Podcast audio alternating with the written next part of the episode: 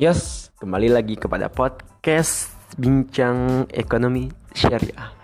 Kita pada saat ini yang lagi ngetren salah satu yang sering kita jumpai di jalan-jalan adalah yang ngetren itu adalah pegadaian. Nah, pegadaian emas. Gimana sih menganalisa prinsip Islamnya? Boleh atau tidak sih pegadaian emas gitu ya, teman-teman.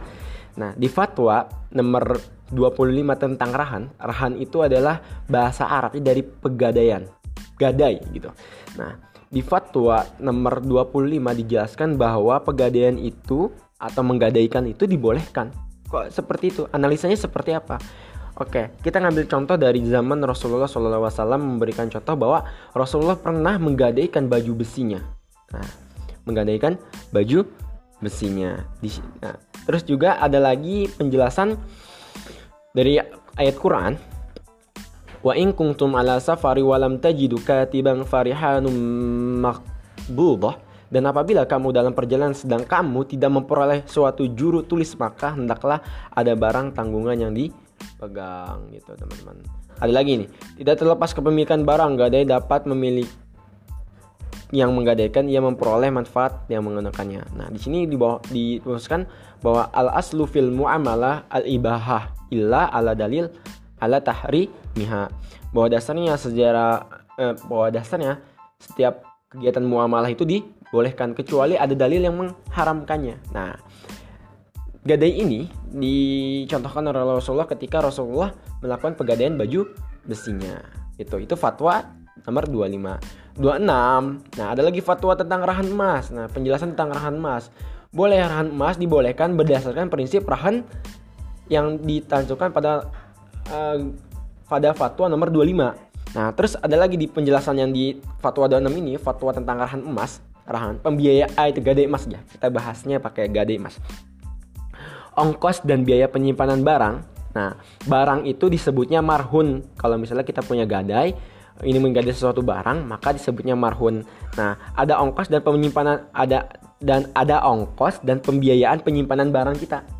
Nah, itu ditanggung oleh siapa? Oleh kita sendiri sebagai pegadai. Nah, nah terus biaya penyimpanan barang atau barang itu disebut mahram dilakukan berdasarkan akad ijarah ya dong.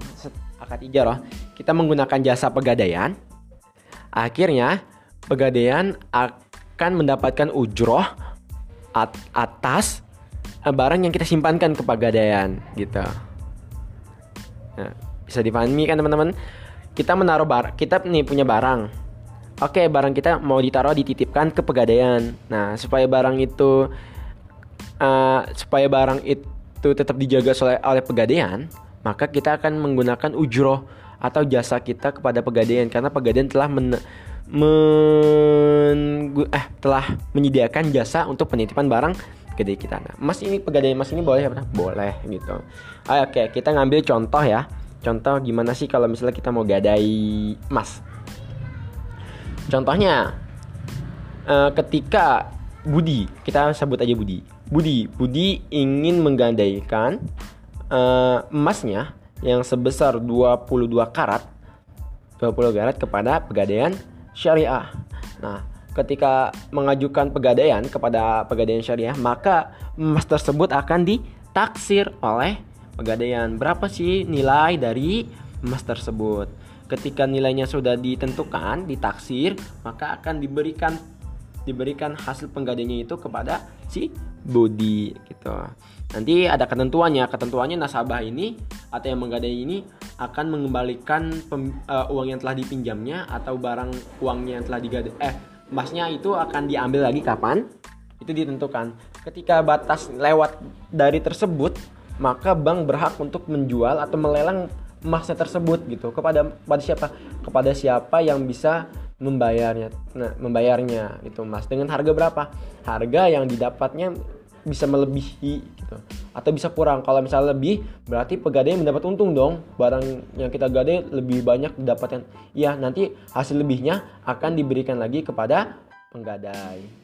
Dengan uh, konsekuensinya pegadai harus menyamperin pegadaian gitu. Kalau misalnya kurang, kalau kurang berarti si penggadai ini menanggung biaya pengkurangnya gitu.